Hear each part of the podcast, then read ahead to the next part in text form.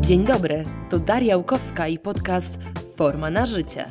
Do udziału w moich audycjach zapraszam ciekawe osoby, specjalistów w swoich dziedzinach, a także pasjonatów. Osoby, które swoją wiedzą, doświadczeniem czy podejściem do życia mogą zainspirować innych. Projekt Forma na życie stworzyłam z myślą o tym, aby promować zdrowe podejście do zdrowego stylu życia. Podejście holistyczne, bo liczy się tu nie tylko dieta czy ciało, ale też bez skrajności, bo w życiu ważna jest równowaga. Cóż, zapraszam do wysłuchania podcastu. Coraz więcej par ma problemy z płodnością, a dane wskazują na to, że będzie tylko gorzej. Dziś na tapet weźmiemy e, płodność mężczyzn, a moim gościem, moim rozmówcą dziś jest Marek Fischer, konsultant żywieniowy i autor podcastu Fitmaker Show. E, cześć Marek. Dzień dobry. Marek, dotarłam do takich danych, e, że większość mężczyzn w Europie i Stanach Zjednoczonych będzie bezpłodnych do 2060 roku. Mężczyźni pochodzący z Europy, Stanów Zjednoczonych, a także Australii i Nowej Zelandii, zdaniem naukowców z Jerozolimy, mogą mieć największy problem z zapładnianiem kobiet. Jakość spermy w ostatnich latach, czyli pomiędzy 1973 rokiem a 2011, obniżyła się o około 50 nawet do 60%. Coraz częściej zdarzają się wśród mężczyzn również przypadki raka jąder. Nie niestety w dalszej perspektywie czasowej statystyki te mogą się jeszcze bardziej pogorszyć. Czy ty może wiesz, Dlaczego? Skąd taki problem z płodnością u mężczyzn? Pracujesz z mężczyznami, e, zajmujesz się gospodarką męską, e, hormonalną często. Dlaczego?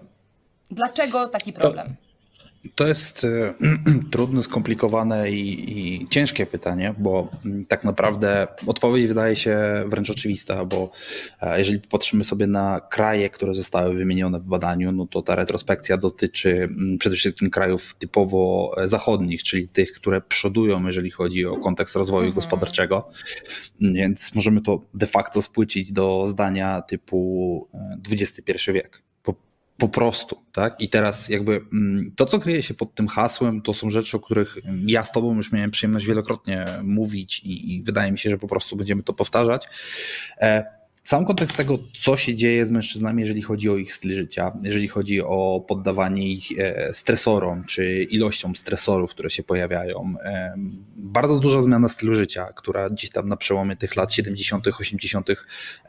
XX wieku zaczęła iść w stronę trybu mocno siedzącego, gdzie ta praca, która była jeszcze częściowo fizyczna, czy praca, która była typowo przemysłowo fizyczna, zaczyna być bardziej pracą siedzącą. To niestety jest jednym z bardzo e, dużych faktorów odgrywających rolę w niepłodności. E, dieta, mm, czynniki środowiskowe, czynniki stresowe i tak dalej, i tak dalej. Więc mm, tak jak mówię, no tutaj de facto możemy wszystko schować do stwierdzenia, no XXI wiek mhm. nam, mężczyznom szczególnie, aczkolwiek jakby nie spłycając roli kobiet, ale tak jak powiedziałeś w wstępie, no będziemy głównie rozmawiać z perspektywy męskiej, więc pozwolę sobie dzisiaj mówić to z perspektywy męskiej że ten XXI wiek nam mężczyznom nie przynosi e, nic dobrego, jeżeli chodzi o te faktory lifestyle'owe, mm, czyli dopóki sami tego nie ogarniemy, to będzie tylko i wyłącznie gorzej. E, no i, i, niestety, bardzo niestety, e, ja mam sporo par, z którymi pracuję, gdzie często kobiety czują się winne za sytuację związaną z szeroko pojętą niepłodnością czy problemem z płodnością, a summa summarum okazuje się, że jak wyślemy pana na diagnostykę, to nasienie jest e, wątpliwej jakości. Mhm, mhm, mhm. E, tak, tutaj mm, to też jest bardzo ważne, nie? bo e, kiedyś, jakby m, mm, lata temu, raczej zazwyczaj obwiniano kobietę o problem z płodnością, prawda?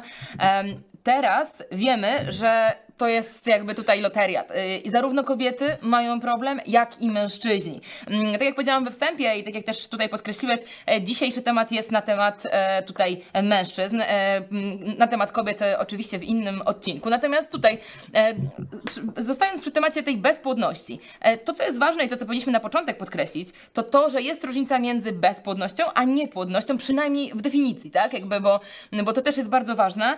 Czy ty mógłbyś nam powiedzieć, czym się różni bezpłodność od niepłodności?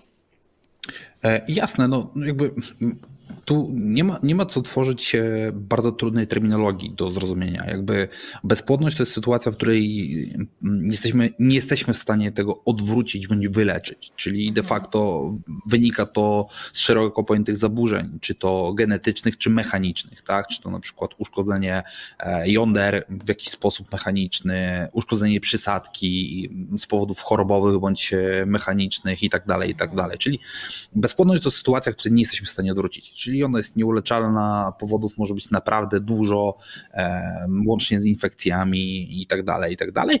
Natomiast niepłodność to jest sytuacja, w której pewne czynniki ograniczają nasze zdolności e, jakby rozpłodowe, tak, tu w przypadku mężczyzn, czyli na przykład coś wpływa na jakość naszego nasienia, na ilość naszego, naszego nasienia, na mm, jakość naszego nasienia, tak, i tak dalej, i tak dalej. I tu tych czynników możemy mieć typowo związane, skorelowane z tym, co się dzieje przed wytworzeniem nasienia, w trakcie wytworzenia nasienia, czy na przykład po wytworzeniu realnie nasienia. Więc e, to jest taka główna różnica, że w momencie, kiedy jesteśmy bezpłodni, no to jest sytuacja, której nie jesteśmy w stanie odwrócić, natomiast niepłodność e, potencjalnie jest sytuacją, którą jesteśmy w stanie odwrócić, bo wynika z sytuacji, która wymaga po prostu e, jakiejś formy leczenia.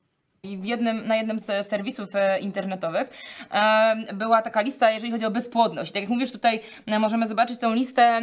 To są takie wrodzone, tak? Znaczy wrodzone często, czy jakieś, jak powiedziałeś, urazy mechaniczne, rzeczy, których nie możemy odwrócić. Dlatego też ważne jest, myślę, mimo wszystko dla osób, które mają problemy z płodnością, żeby różnicować to, prawda? No bo jednak ta świadomość jest ważna, że bezpłodność, a niepłodność to jest co innego. I osoba, która ma problem z zajściem w ciążę, para, która ma problem z zajściem w ciąży nie oznacza do końca, że są bezpłodni, ale na, najpierw trzeba wyjść z tego, że, że być może są po prostu niepłodni. Tak? To tutaj oczywiście jest kwestia odpowiedniej diagnostyki. To, co jest ważne, to w kontekście niepłodności, to o tym, na ten temat właśnie możemy dyskutować, jeżeli chodzi o kwestie, tak jak powiedziałeś, stylu życia, prawda? Bo tutaj my możemy często wpłynąć bardzo mocno stylem życia. E, często, jak to ze zdrowiem generalnie bywa, ten styl życia, w tym dieta, ale nie tylko, jest niedoceniany często. Często szukamy od razu pomocy e, w różnego rodzaju zabiegach, takich e, chociażby jak in vitro, co jest ok, ale dobrze by było zobaczyć najpierw, czy my e, w naszym zdrowiu jesteśmy w stanie coś zmienić i wpłynąć na tą naszą e, płodność. E, jeszcze na koniec chciałabym tylko zobaczyć tą, tą definicję naszą niepłodności. Myślę, że to też jest ważne. E, może, możecie sobie tutaj zobaczyć, e, drodzy widzowie, e, właśnie e, jak się charakteryzuje tą niepłodność, czyli według WHO, Światowej Organizacji Zdrowia, to jest niezdolność do poczęcia dziecka przez 12 kolejnych miesięcy. E, no myślę, że to, są, to, to jest ważna informacja, e, dlatego żeby też za szybko jakichś wniosków nie wyciągać. Marek, powiedziałeś ogólnie styl życia. Styl życia może powodować, że mężczyźni są niepłodni. Ja już teraz będę używać tego sformułowania niepłodność, a nie bezpłodność, bo to jest przedmiotem naszej rozmowy. Um, Pracujesz z mężczyznami. Powiedz, y, co najczęściej e, Twoim zdaniem, z Twojego doświadczenia jest tym problemem, jeżeli chodzi o kwestię stylu życia? Wszystko. Wszystko, naprawdę. Znaczy to okay. ja, ja, ja wiem, że to może brzmieć zabawnie, ale re, realnie problem jest bardzo szeroki, bo najczęściej, najczęściej tym elementem głównym jest element stresowy. Tak? Mhm. I jakby no tu musimy sobie to podzielić zawsze te elementy stresowe na te dwa rodzaje bodźców, czyli te bodźce zewnętrzne i te bodźce wewnętrzne. Tak? Dla, dlatego pod słowem mm, stres kryje się tak naprawdę w dużej mierze wszystko, bo mamy te bodźce, które są skorelowane z tym, jak żyjemy, czyli te bodźce zewnętrzne związane z pracą, aktywnością fizyczną, bo to też jest czynnik, który może oczywiście poprawiać, ale też może działać negatywnie, e, skorelowane z tym, jak funkcjonujemy, jak śpimy, jak zachowujemy swój rytm dobowy, czyli to wszystko, co jest e, związane stricte z naszym stylem życia, czyli te czynniki zewnętrzne. E, no i te wewnętrzne skorelowane z tym, co jakby wkładamy do naszych ust, co suplementujemy, mm, co się dzieje w środku, jakie mamy geny, jak o nie dbamy i tak dalej, i tak dalej, i tak dalej. Czyli tu musimy sobie to skorelować, ale jakbym mógł i miał wymienić trzy główne, czyli tam w związku z tymi osobami, z którymi ja pracuję, z którymi pracowałem, szczególnie nad kontekstem płodności, to bezwzględnie byłoby to element diety to jest e, problem, który będzie dotykał 99% panów, bo my mamy taką tendencję, zresztą mam wrażenie, że mężczyźni bardzo mają taką tendencję do wybierania produktów e, łatwych na zasadzie if it fits your macro, czyli nie ma znaczenia co, ważne, że pasuje do tego, co chcemy zrobić, co osiągnąć i jak funkcjonować, e, więc ten element diety. Drugi element no to oczywiście element stresowy i tu mówię o tym stresie związanym z presją, czyli jakby nie tyle co kontekst stresorów, e, tylko presji, która jest nałożona jakby czy to przez nas samych, czy przez świat XXI wieku. E, to jest drugi, no szczególnie presja zawodowa, tu, tu trzeba to rozwinąć. No i trzecia rzecz, która bezwzględnie jest ze sobą bardzo mocno skorelowana, no to jest kontekst otyłości. I tu bezwzględnie, no jeżeli popatrzymy sobie na panów po 30 roku życia, e, to ta otyłość bardzo mocno zaczyna przodować. Ilość odsetek panów, którzy są otyli jest coraz większy.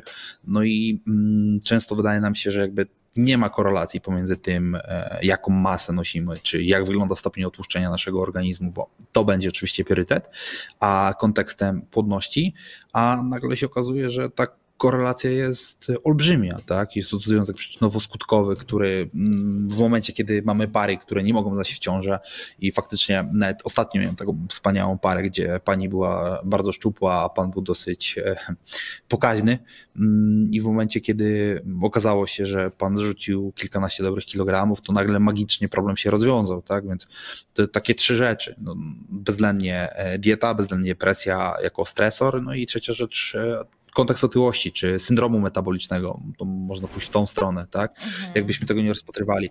To takie top of the top, bo mm, no tu jakby oczywiście możemy iść sobie dalej w kontekście zaburzeń genetycznych, które się pojawiają, w kontekście obciążeń genetycznych, rodzinnych czy uszkodzeń, które się pojawiają, aczkolwiek to są już naprawdę e, bardzo skomplikowane, farmakologiczne bądź e, typowo lekarskie problemy do rozwiązania.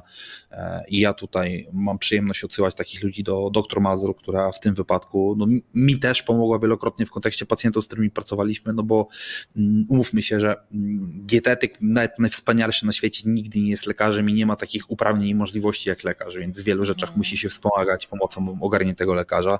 W moim wypadku jest to właśnie dr Marta Mazur. Natomiast te rzeczy, którymi my możemy się zająć, czyli czy to my jako dietetycy, specjaliści żywienia, trenerzy i tak dalej, i tak dalej, czy my jako po prostu zwykli ludzie, którzy będą nas słuchali, mm, to są te elementy podstawowe, tak? Czyli presja, czyli właśnie stresory, e, dieta, mm, no i kontekst, kontekst tego wszystkiego, co jest skorelowane z XXI e, wiekiem. Mhm. A jakbyśmy tak się mieli zatrzymać przy pierwszym punkcie, o którym powiedziałeś, czyli e, przy diecie. W jaki sposób dieta może wpływać na płodność, na niepłodność w zasadzie? Mhm. No tu, wiesz, tu trzeba podzielić to na e, dwa czy trzy czynniki, tak? No to pierwszy czynnik oczywiście to jest kontekst masy ciała, czyli bezwzględnie to, że w momencie, kiedy pracujemy z pacjentem, który jest otyły, dochodzi do takich rzeczy jak e, zaburzenia w kontekście produkcji hormonalnej, czyli na przykład spadek poziomu testosteronu, zaburzenie stężenia testosteronu do estrogenów, e, też dochodzi do, do, negatywnego feedbacku ze strony przysadki, która zaczyna produkować zbyt małe ilości e, LH. No i oczywiście to się odbija na komórkach Leydiga, które są po części odpowiedzialne za to, co się dzieje z naszą e, spermą, z naszym nasieniem. Na przykład produkujemy wtedy mniej, czy mniejszą objętość nasienia, czy produkujemy mniej dobrych plemników, o mniejszej ruchomości. E, dodatkowo to jest też dosyć ciekawe, że w momencie, kiedy jesteśmy otyli, to niestety temperatura w okolicach naszych gonad wzrasta i temperatura skorelowana, długotrwałe podniesienie temperatury w okolicach gonad też jest skorelowane z tym, że faktycznie ta jakość nasienia spada, tak? Więc jakby to jest numer jeden. W momencie, kiedy, mm, kiedy ja rozmawiam ze swoimi pacjentami, panami na zasadzie jest planowane dziecko, tak? No to oczywiście, jeżeli widzę, że pan jest otyły i nie jest to skorelowane na przykład z dużą ilością masy mięśniowej, tak? Tylko no, po prostu nazywając rzeczy po imieniu pan jest grubasem, tak? Czy jest jak, jakkolwiek inaczej, no to pierwszym elementem jest redukcja masy ciała, bezwzględnie, tak? Z mhm. perspektywy hormonalnej to numer jeden, z perspektywy zdrowotności e, tego, żeby zachować nasze gonady w odpowiednim stanie, to jest to, jest to bardzo istotna rzecz. Druga rzecz to jest y, sam kontekst na tym, na jakich produktach pokarmowych pracujemy, czyli e, przetworzenie diety. Bardzo często to przetworzenie jest dosyć wysokie, no i niestety mocno przetworzona dieta wpływa na e, dwa bardzo ważne czynniki, czyli e, pracę gospodarki cukrowej, bardzo często doprowadzającej do stanów okołocukrzycowych bądź zaburzenia insulinowrażliwości, insulinooporności, czy nawet bardzo dużych wahań, bardzo dużych wahań stężenia insuliny w ciągu doby, co też jest niekorzystne z perspektywy płodności, bo mamy sytuację, w której na przykład dochodzi do glikacji nasienia, tak? czyli dochodzi do tego, że zaburzenia cukru wpływają na to, że sperma zmienia swoje właściwości. Tak? zmienia się pH nasienia, to jest kolejna rzecz. Produkujemy mniej e, plemników, produkujemy plemniki o mniejszej motoryce, bo są leniwe, tak? to jest takie stwierdzenie, leniwy plemnik.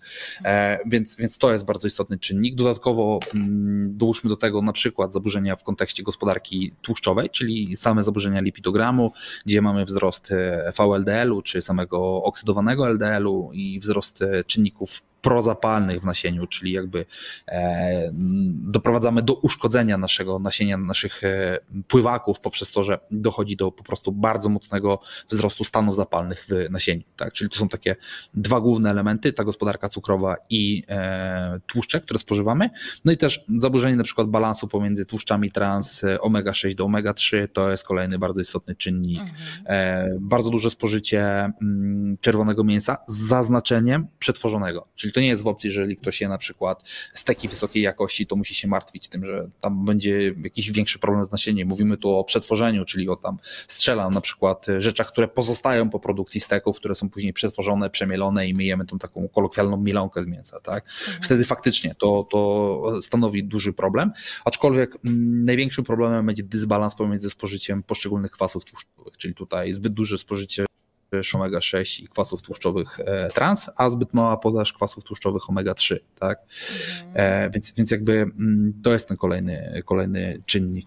Mm, to tak naprawdę jak sobie to przeglądamy, jeżeli chodzi o cały ten kontekst korelacji pomiędzy dietą, to wszystko się sprowadza tak naprawdę do tego samego, o czym mówiliśmy w kontekście e, zdrowia hormonalnego, czyli tego, żeby ta dieta była oparta o nisko przetworzone produkty, by była e, oparta o spożywanie kwasów tłuszczowych nienasyconych, takich jak chociażby oliwa z oliwek, awokado, orzechy, e, żebyśmy dbali o mm, podaż węglowodanów też z niskiego przetworzenia, tak? czyli wszystko, co kierunkuje nas stricte w mm, dietę śródziemnomorską. Mhm, mhm. A powiedz, e, myślę, że taki jeszcze jeden ważny element, e, tak przynajmniej mi się tutaj nasuwa, e, kwestia niedoboru energetycznego tutaj, na przykład zakładając, że ktoś albo jest długo na deficycie, albo utrzymuje dość długo niski poziom e, body fatu, e, tkanki tłuszczowej e, na brzuchu, generalnie tkanki tłuszczowej w organizmie. Czy to u mężczyzny też jest, może być powodem z, problemów, z problemami z płodnością? No jednak też, też to jest problem mniejszy niż u kobiet, ale jest, że mężczyźni się przetrenowują, że często u osób, które dużo trenują czasem jednak dochodzi do tych niedoborów energetycznych, czyli za mało jemy, za dużo trenując. Nie ma też czasu na to, na odpoczynek organizmu. Plus no, utrzymywanie niskiego, niskiego poziomu tkanki tłuszczowej, chociażby przez mężczyzn, którzy na przykład interesują się kulturystyką i gdzieś tam w tym kontekście sylwetkowym bardzo mocno tutaj sobie walczą. Absolutnie. No tu musimy pamiętać o tym, że mm, są sytuacje, w której pojawia się ten tak zwany loopback, czyli mamy tą oś pracy naszego organizmu skorelowaną z dostarczaniem e, konkretnych ilości energii. Czyli w momencie, kiedy pracujemy w deficycie energetycznym, no to automatycznie jednym z pierwszych elementów, który będzie u nas cierpiał, u nas, u mężczyzn, no zresztą kobiet też, natomiast jakby znowu mówimy głównie o mężczyznach, to jest kontekst produkcji testosteronu, bo no jeżeli jesteśmy w przewlekłym deficycie kalorycznym, jeżeli żyjemy w przewlekłych niedoborach, to automatycznie mm, nasz mózg tak wysyła sygnał o tym, że tak naprawdę element y, rozpłodowy nie powinien istnieć, bo jesteśmy w ciągłej sytuacji zagrożenia, tak? Mhm. Czyli najłatwiej jest nam po prostu wyłączyć produkcję e, hormonów płciowych, bo jest to dla nas e, energetycznie korzystne. Mhm. Produkujemy, wykorzystujemy mm, te elementy hormonalne na produkcję innych rzeczy, na przykład na produkcję kortyzolu po to, żeby nas utrzymało e, przy życiu. Więc e, tak, jak najbardziej. No, długotrwały deficyt kaloryczny e, i tak, faktycznie będzie skorelowany z zmniejszoną produkcją hormonów płciowych, co będzie skorelowane z produkcją gorszej jakości nasienia. Natomiast jeżeli będziemy mówić o e, utrzymywaniu niskiego stopnia otłuszczenia naszego ciała, czyli tej szeroko pojętej formy plażowej, no to tu musi pojawić się słowo zależy, bo to wszystko mhm. zależy od tego przede wszystkim, jakie mamy zdolności genetyczne, czyli to, że, czy na przykład jesteśmy ob, obwarowani tym genem X, że możemy jeść żelki i popijać to piwem i zagryzać pizzą i dalej utrzymywać formę plażową. Jeżeli tak, fenomenalnie, nie widzę problemu. Natomiast e, dalej, jeżeli na przykład ktoś jest w stanie utrzymywać taką formę w kontekście e, spożywania wysokiej ilości kalorii i dobrze, dobrej jakościowej diety, to też nie powinno to stanowić większego problemu. Tak? Tu jakby zdecydowanie mm, problemem największym będzie kontekst niskiej dostępności energii bądź zbyt dużego wydatku energetycznego w przypadku panów, bo u nas ta sytuacja z utrzymaniem niskiej tkanki tłuszczowej jest dużo bardziej korzystna niż u kobiet, gdzie po prostu sama niska tkanka tłuszczowa jest skorelowana z wyłączeniem e, pracy mm, cyklu miesięcznego na przykład, tak? Mhm. Więc jakby my, panowie, możemy sobie pozwolić na utrzymanie tych 10-12% tkanki tłuszczowej jakby w skali całego roku, e, jeżeli jest to skorelowane z tym, że nie musimy tam trenować 25 razy w tygodniu, żeby to utrzymać i jeżeli faktycznie jest to połączone z odpowiednią podażą energetyczną, bo niska dostępność oraz niska jakość e, energii, na której pracujemy, to będzie jednak największy problem, mhm. e, jeżeli chodzi o działalność naszej gospodarki hormonalnej. Mhm, mhm, mhm, Okej, okay. to na pewno jest e, bardzo, bardzo ważne. I to też fajnie, że podkreśliłeś e, wcześniej, że bezpośrednio jakość diety może wpływać tak, na jakość chociażby nasienia i na płodność. Często, tak jak mówiłam, też spotykamy się z tym, że dieta nie ma znaczenia, nie? Jakby dieta to tylko dodatek. A jak pokazałeś, jak powiedziałeś, y, no to może mieć naprawdę ważny, to może być ważny element y, w kontekście tej, tej płodności. Mm, a powiedz mi, Marek, y, jako drugi element wymieniłeś stres. Jak bezpośrednio stres wpływa na niepłodność? Bo stres to jest ogólne, każdy wie, że się dużo stresujemy, mamy dużo stresu w życiu, to jest takie trochę taki truizm już. Um, ale jak faktycznie to wpływa. Jak możemy sobie to uświadomić? Myślę, że im bliżej się temu przyjrzymy, tym e, możemy podejść do tego poważniej, tak myślę. E, no, musimy zrozumieć e, dosyć istotny kontekst samego stresu, bo mm, faktycznie, tak jak mówisz, my bardzo dużo o tym mówimy, natomiast nigdy nie mówimy, jak to wpływa jako czynnik epigenetyczny, hmm. czy w ogóle czynnik zdrowotny. Stres w naszym życiu odgrywa taką rolę, gdzie dochodzi do mm, pracy, mm, pracy czy walki pomiędzy mm, wolnymi rodnikami a substancjami antyoksydacyjnymi, które mają zwalczać te wolne rodniki. Tak? I jakby pokazując to na przykładzie sportowców, czyli tej takiej adaptacji sportowej, sportowiec trenuje po to, aby uzyskać odpowiednią adaptację do wysiłku fizycznego, czyli e, wystawia się na taki stresor, który jest w stanie pomóc mu progresować. Tak? Mhm. E, I mm, w momencie, kiedy wystawi się na zbyt duży stresor, czyli trening staje się zbyt mocny, na przykład, tak? E, dochodzi do wzrostu ryzyka kontuzji, do przetrenowania mm, etc. Tak?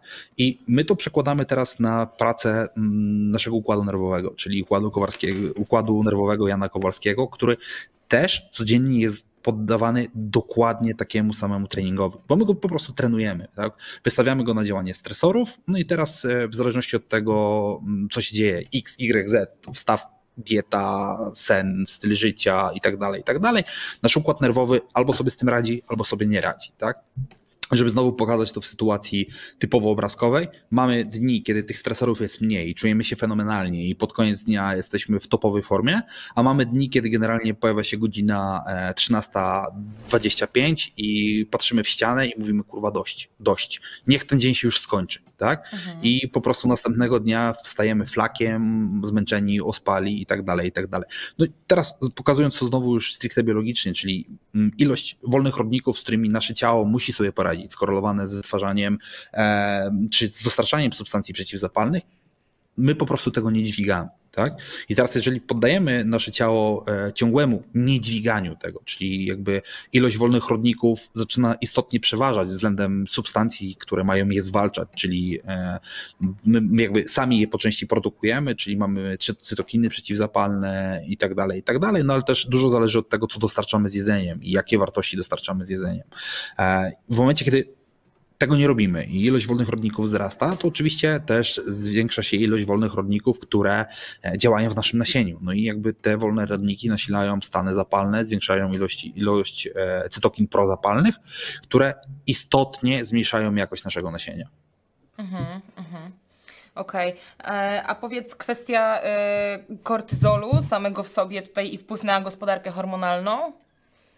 E, oczywiście, no tu mamy to połączenie właśnie związane z tym, że mm, kortyzol i hormony płciowe mm, wspólne, i męskie i damskie, mają ten jakby wspólny początek. Bo my to wszystko uzyskujemy z hormonu zwanym pregnenolonem, czyli to jest taki nasz wspólny początek i w zależności od tego, co ze sobą robimy i jak siebie prowadzimy, uzyskujemy e, różne efekty, tak? Czyli jakbyśmy postawili dosłownie genetycznych braci bliźniaków, którzy mają odrębny tryb życia i mamy bliźniaka X, który ma tryb życia kanapowy i ogólnie jest zadowolony z życia, jeszcze wygrał w lotka 25 baniek i ma bezstresowe życie, to pregnenolon będzie szedł w kierunku produkcji większości hormonów płciowych, czyli będzie produkował testosteron, czy tam dihydrotestosteron i tak dalej, i tak dalej. Jeżeli mamy tego samego bliźniaka genetycznego Y, który ma zupełnie inne życie i który jest skazany na ciężką orkę i generalnie codziennie wiatr wieje mu w twarz, a wszystkie ptaki na niebie wiadomo co robią na niego, no to automatycznie produkcja jego, czy inaczej, z jego pregnolonu będzie szła produkcja ku kortyzolowi, po to, żeby układ nerwowy mógł to dźwigać, tak?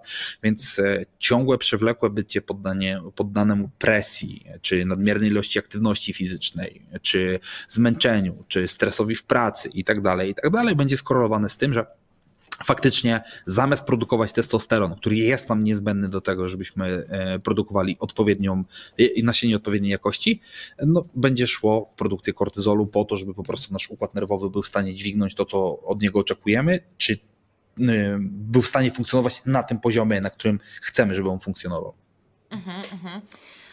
Okej, okay, a powiedz w takim razie tutaj y, kwestia ta trzecia, którą, którą gdzieś tam wymieniłeś, bo o tej otyłości też już trochę wspomnieliśmy, ale i tak samo tutaj, tak jak a propos kortyzolu, o którym, o którym teraz powiedziałeś, tak samo i tutaj w przypadku otyłości mamy zaburzenia hormonalne, tak, mamy chociażby zaburzenia glikemii, problemy z insulinoopornością, która sama w sobie też może tutaj przeszkadzać, prawda? E, I powiedz, jak bezpośrednio te zaburzenia metaboliczne towarzyszące otyłości, a wiemy, że otyło, nie ma otyłości mhm. bez zaburzeń metabolicznych, nie ma otyłości bez tego stanu zapalnego o niskim nasileniu, który jakby jest od razu, jeżeli mamy nadmierną tkankę tłuszczową i tutaj e, jakkolwiek by nam się to nie podobało, no to tak jest po prostu. E, jak to będzie wpływało na tą, na tą naszą płodność? No tutaj tego jest e, bardzo dużo, tak? No bo tu będziemy musieli sobie popatrzeć na to z perspektywy tak naprawdę zarówno mm, całej gospodarki hormonalnej, mm, o której tam już sobie częściowo wspomnieliśmy, czyli sam kontekst tego, że w momencie, kiedy jesteśmy otyli, to produkujemy dużo mniej testosteronu oraz poprzez działanie mm, aromatazy w tkance tłuszczowej produkujemy dużo więcej e, estrogenu, przez co realnie nasza przysadka gorzej i niechętnie stymuluje E, produkcję nasienia, bądź nasienie po prostu, które powstaje, jest dużo gorszej mhm. jakości, więc to jest ten pierwszy element. Druga rzecz, no w momencie, kiedy mamy nadmiar adipocytów, czyli po prostu nadmiar tkanki tłuszczowej, co występuje w przypadku e, syndromu metabolicznego i to szczególnie tej bardzo aktywnie metabolicznie, niekorzystnie dla nas, czyli tkanki tłuszczowej visceralnej, ta, która jakby oplata narządy wewnętrzne, e, stymulujemy powstawanie takiego zjawiska, które nazywa się burzą cytokinową, czyli powstaje sporo cytokin prozapalnych, czyli substancji, które nasilają działanie wolnych chodników, tak, w szybkim skrócie, po prostu stymulują stany zapalne i te stany zapalne również są niekorzystne w kontekście produkcji nasienia, bo te one będą mhm. przekładały się na funkcjonowanie tak naprawdę całego organizmu, tak, więc e, to jest kolejny element. Dalej musimy sobie zwrócić uwagę na to, że Tkanka tłuszczowa jest również rezerwuarem substancji potencjalnie toksycznych dla naszego organizmu, więc jakby na to, czy tam fitoestrogenów na przykład w przypadku panów, czy mm, substancji działających silnie prozapalnie, czy metali ciężkich, tak? to wszystko w momencie, kiedy to tam się gromadzi, również jest kolejnym elementem prozapalnym. Tak? Dalej mamy negatywny mm, wpływ na przykład na samą produkcję greliny, czy na samą produkcję leptyny, czy stymulowanie leptynooporności. E, to również będą e, hormony, które dosyć mocno będą wpływały na funkcjonowanie całej osi przysadka pozdłuże gonady, tak? czyli tego, jak e, tak naprawdę całe, całe to połączenie związane z produkcją nasienia, jakością nasienia, ilością nasienia e, będzie, będzie ze sobą skorelowane, tak? bo na przykład jeżeli będziemy mieli osobę, która jest otyła, nie tylko e, ma niski poziom testosteronu, więc niechętnie jakby te gonady produkują nasienie wysokiej jakości, ale dorzucimy na przykład do pakietu leptynooporność, to automatycznie mm, nasz mózg ma wrażenie, że cały czas pracuje w trybie rezerwowym, czyli mimo tego, że nie ma sytuacji z niską dostępnością energii, to realnie dla naszego mózgu taka sytuacja zachodzi, tak? bo jesteśmy oporni na działanie tej informacji o tym, jesteś najedzony, wszystko jest w porządku, produkuj tyle nasienia, ile chcesz. Tak? Nie ma. I to również będzie odbijało się dalej na tym, e, co dzieje się realnie z jakością tego, co produkujemy. Tak? E, musimy dorzucić sobie sam kontekst wysokiego ciśnienia, sam kontekst zaburzeń e, wydzielania tlenku azotu, czyli no, zaburzenia. Mm, waskularyzacji, jeżeli chodzi o na przykład kanały produkujące nasienie, czyli nie jesteśmy w stanie przesuwać takiej ilości nasienia, jaka realnie jest wyprodukowana. E, ona przez to również traci na, swoim, e, na swojej jakości. Tak? Więc mm, no tutaj dalej, no jeżeli połączymy sobie te podstawowe rzeczy skorelowane właśnie z zespołem metabolicznym, czyli czy to insulinooporność, czy cukrzycę, to możemy docho może dochodzić do azoospermii, tak? może dochodzić do glikacji nasienia, czyli tego, o czym sobie powiedzieliśmy. No i tak naprawdę no, ostatecznie też bardzo silnie silnie wzrasta mm, ilość tych wolnych rodników działających w nasieniu, tak? Czyli jakby my produkujemy wtedy, nawet w najlepszym założeniu, że produkujemy 100% tego nasienia, które możemy produkować, to zakładamy, że spora część tych plemników będzie w jakiś sposób uszkodzona, czy to o obniżonej motoryczności, czy o e, niepoprawnym kształcie, tak? czy w ogóle mhm. ilość tych plemników, które wychodzą jakby żywe e, w momencie, kiedy produkujemy nasienie, będzie bardzo ograniczona. Tak? Więc tutaj w momencie, kiedy mamy ten zespół metaboliczny, bądź mamy pewne parametry zespołu metabolicznego, bo nie mówimy o tym, że musi być wszystko, tak? bo nie, jakby wystarczy, że mamy insulinooporność czy jakiś rodzaj cukrzycy, to już jest skorelowane z większym ryzykiem, czy mamy hiperlipidemię, czy dyslipidemię, więc jakby tego wszystkiego jest tak dużo, że e, nawet jeden element może już istotnie zmniejszyć naszą szansę na e, stworzenie potomka, tak, czy spłodzenie potomka. I teraz znowu, jeżeli popatrzymy sobie na badania, które przytoczyłaś, czy na raport, który przytoczyłaś na samym początku i poszukamy miejsc na świecie, gdzie ten współczynnik otyłości, czy współczynnik zaburzeń metabolicznych jest najwyższy, no to znowu te niestety kraje, które mają najbardziej rozwiniętą gałąź gospodarczą, tak? Tu, czy to Stany, czy to Australia, czy akurat Nowa Zelandia, czy ogólnie kraje nawet zachodniej Europy, tak? Czy popatrzymy na Niemcy na przykład. To dokładnie jest ta sama sytuacja. Więc tu nie wiem, czy możemy powiedzieć, że correlation cost causation, czy tam equals causation, tak? Natomiast no, ta korelacja pomiędzy otyłością a bezpłodnością jest olbrzymia. I ja się śmiałem, jak przytoczyłaś to badanie z prostej przyczyny, bo e, razem z Kingą, czyli moją narzeczoną, jesteśmy po przejściu przez e, pamiętniki podręcznej, przez te wszystkie tam cztery sezony.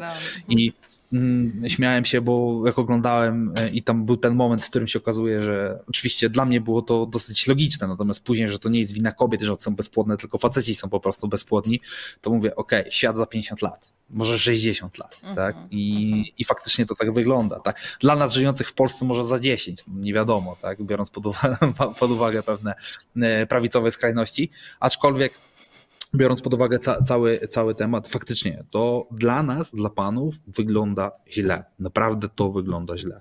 Mhm. E, no tak, tutaj e, nawet przygotowując się do tego odcinka też pomyślałam przez chwilę o Gilead, e, czyli świecie stworzonym właśnie w opowieściach podręcznej.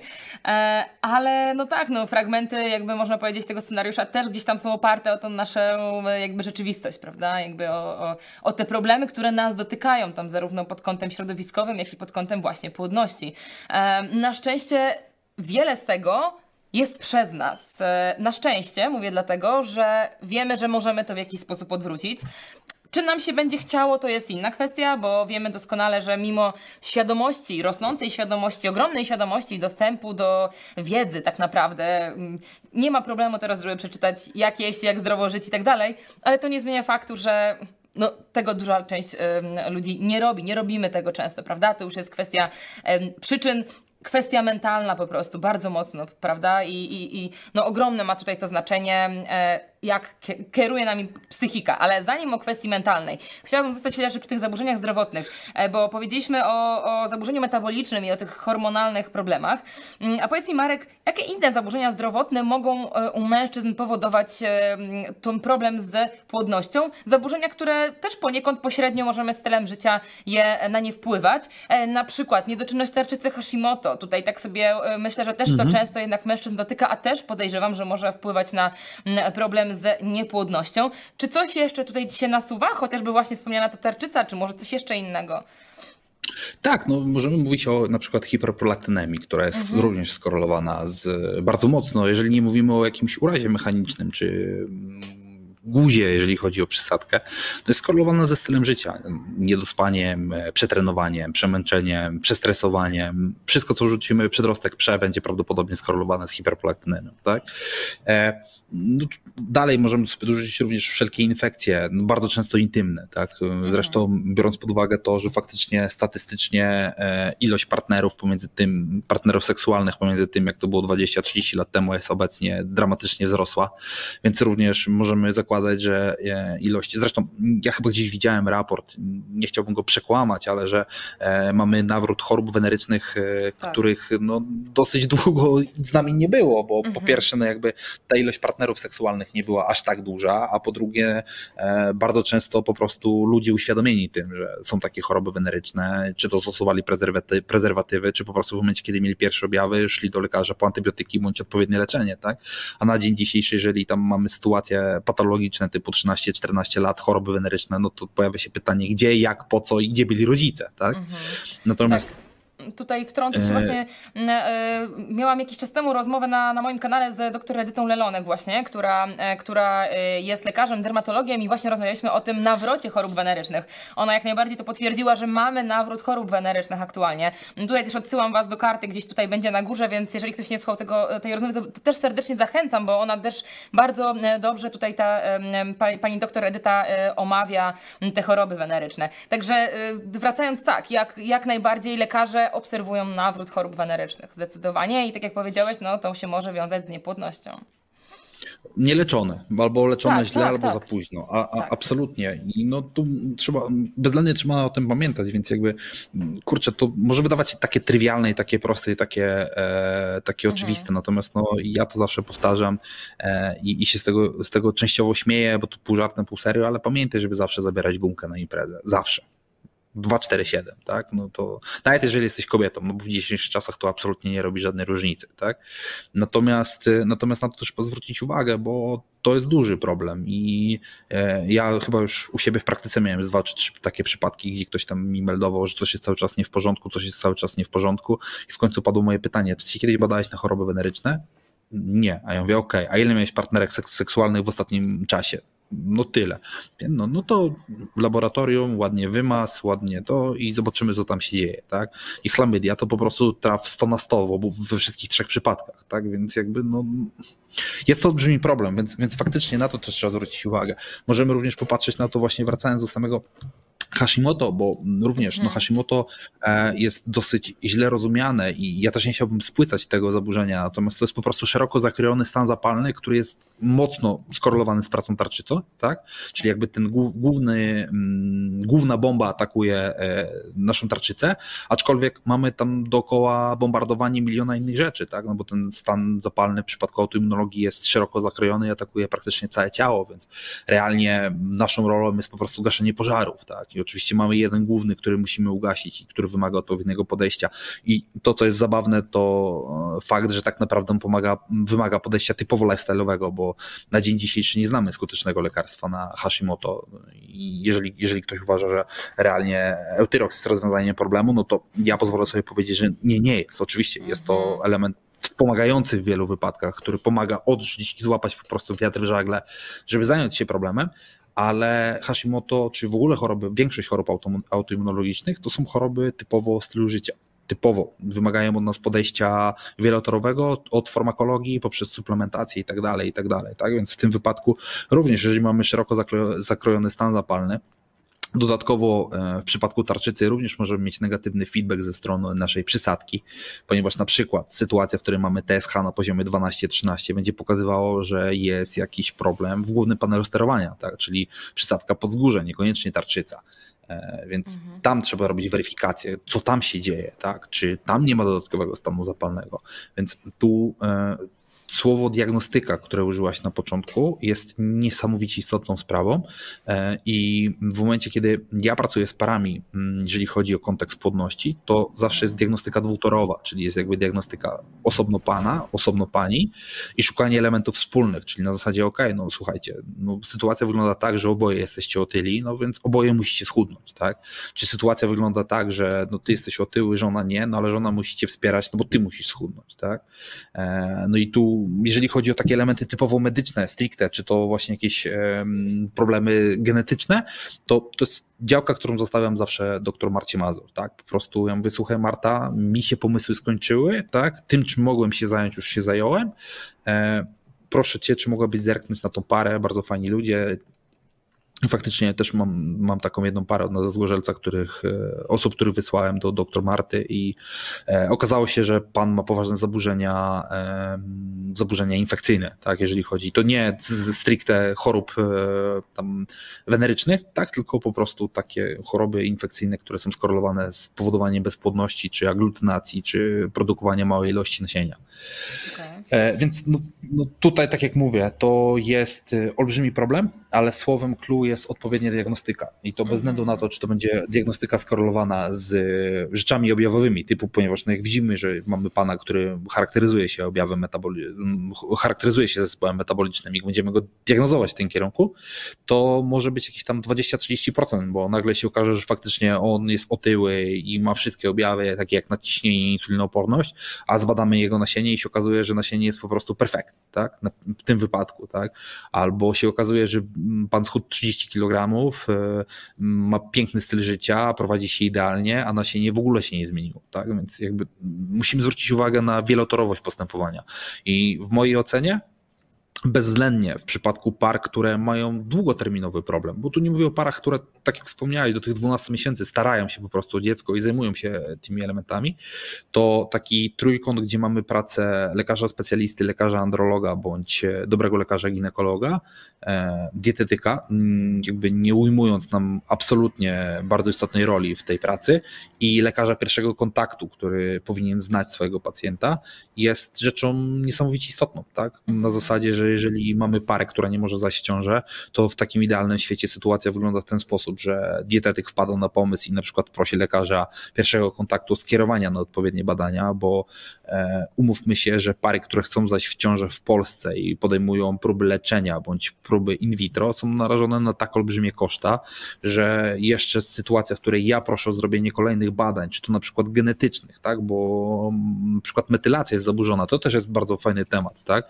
czyli mhm. te zbadanie genów MTHFR, które kosztuje 500 zł, tak? gdzie w większości, w dużej części krajów zachodnich to są badania, które absolutnie są badaniami przesiewowymi przed ciążą, czyli po prostu, mhm. żeby zdecydować, czy kobieta powinna przyjmować kwas foliowy w, prosty, w formie prostej, czy tylko i wyłącznie w tej metylowanej, a u nas niestety koszt 500 zł i nagle się okazuje, że pani ma po prostu zaburzone MTHFR i absolutnie nie jest w stanie zejść w ciążę, dopóki nie wyregulujemy tego procesu poprzez tam zmianę kwasu foliowego.